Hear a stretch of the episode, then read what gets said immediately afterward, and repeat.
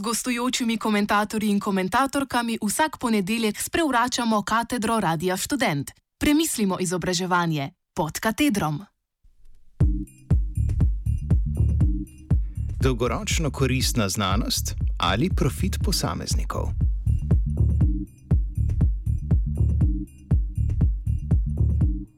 V današnji oddaji pod katedrom bo prebrano stališče Visokošolskega sindikata Slovenije o predlogu zakona o znanstveno-raziskovalni in inovacijski dejavnosti. Skupščina Visokošolskega sindikata Slovenije je 10. maja 2019 na rednem letnem zboru med drugim obravnavala novi predlog zakona o znanstveno-raziskovalni in inovacijski dejavnosti, ki ga je Ministrstvo za izobraževanje, znanost in šport poslalo v javno razpravo. Naše stališče do zakona in ključni povdarki so naslednji. Izrazito podpiramo namen predloga, da se obseg proračunskega financiranja znanosti dvigne na vsaj en odstotek BDP do leta 2025, vendar ob tem pričakujemo jasna določila glede načina delitve dodatnega denarja. Nasprotujemo ohranjanju in krepitvi ureditve, ko država in njena agencija vsebinsko in personalno odločilno vplivata na znanstveno delo kot temeljno področje univerzitetne avtonomije. Z novim predlogom se ta vpliv širi na celotno področje stabilnega financiranja, nova pooblastila pa dobivajo tudi drugi resorji izvršne oblasti. Zahtevamo dostop visokošolskih učiteljev, sodelavcev z raziskovalno obveznostjo in raziskovalcev do materialnih sredstev za raziskovanje. Nasprotujemo odstopom od zakona o delovnih razmerjih, ki bi dokončno legalizirali prekarni položaj raziskovalcev.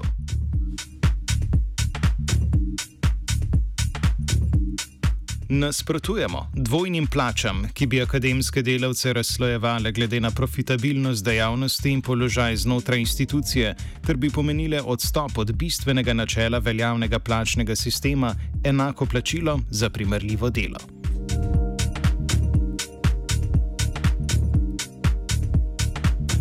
Zavračamo tudi temu usporedno zamisel o samostojnih podjetnikih kot pogodbenih izvajalcih raziskovalne dejavnosti. Zavračamo degradacijo znanosti na raven predstopnje aplikativnega raziskovanja in komercializacijo rezultatov. Zahtevamo udeležbo predstavnikov zaposlenih v visokem šolstvu v razvojnem svetu in varovalke za neodvisno delovanje Komisije za etiko v znanosti. podpiramo prizadevanja za odprti dostop do javno financiranih publikacij, vendar menimo, da zakonske zahteve ni mogoče postavljati, dokler se ne razjasnijo finančni mehanizmi in pravila vrednotenja objav glede na vrsto odprtega dostopa.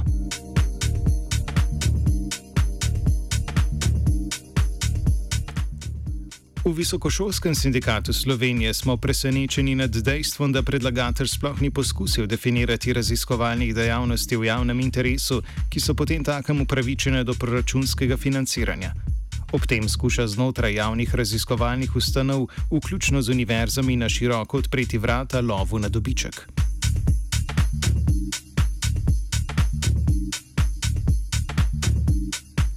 Obžalujemo, da ob prizadevanju ministrstva za ugodnejše materialne razmere pred nas prihaja predlog, ki bi pospešil nekatere najbolj negativne težnje v raziskovalni dejavnosti na univerzah, Zato pričakujemo, da bo ministrstvo kot predlagatelj podaljšalo javno razpravo in z vključitvijo širšega kroga vdeleženih v znanosti omogočilo nastanek predloga, ki bi na mesto kratkoročnega dobička posameznikov v spredje postavil znanstveno skupnost in dolgoročne razvojne interese družbe.